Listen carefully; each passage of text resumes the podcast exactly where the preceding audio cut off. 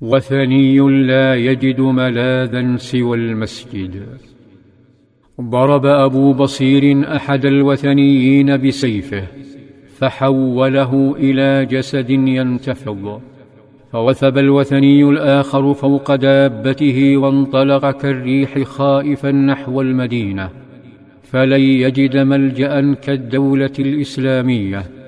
فهي دولة يحكمها نظام يطبق على الجميع حتى على أولاد القائد صلى الله عليه وسلم حتى على القائد نفسه. دخل الطاغوت شوارع المدينة يبحث عن آمن مكان عن المسجد النبوي فدخله ليلتقط أنفاسه وبقايا حياته يتصبب عرقا. يهبط صدره ويرتفع هلعا وعيناه زائغتان.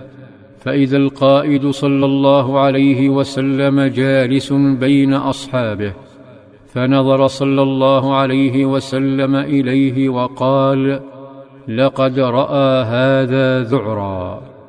التفت الوثني إلى مصدر الصوت فرأى النبي صلى الله عليه وسلم وكأنما رأى الحياة فتوجه مرتجفا لأكثر رجال الأرض التزاما بالعهود والمعاهدات فأطلق من صدره أنواع الاستغاثة والاستنجاد وقال قتل صاحبي وإني لمقتول.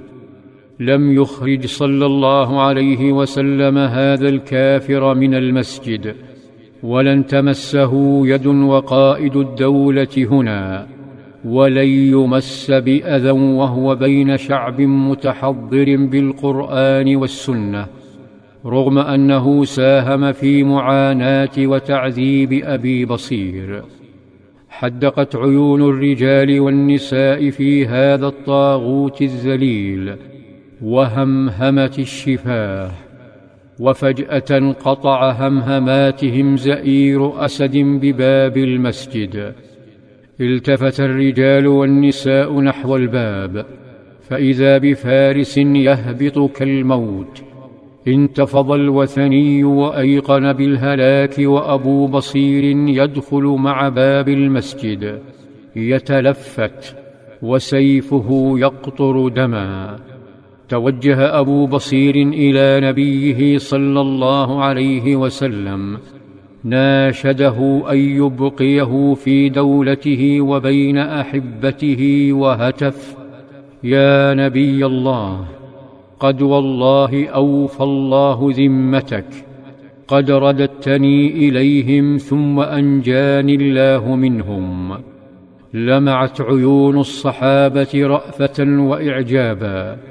ونظر صلى الله عليه وسلم إلى فتاه بحزن وكمد.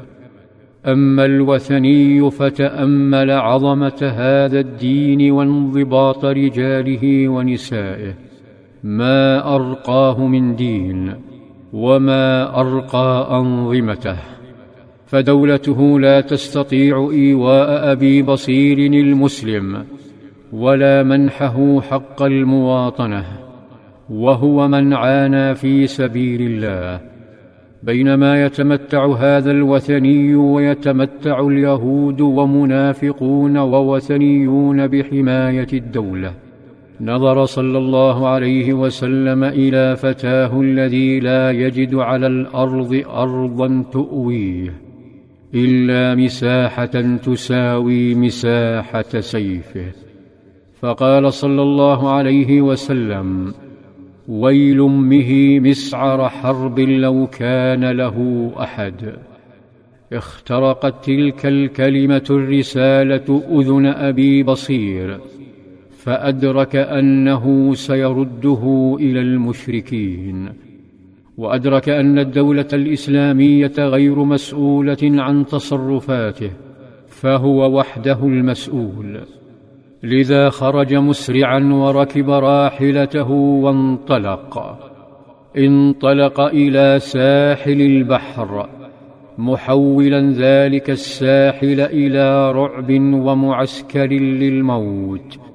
جعل قريشا تندم على شروطها الظالمة.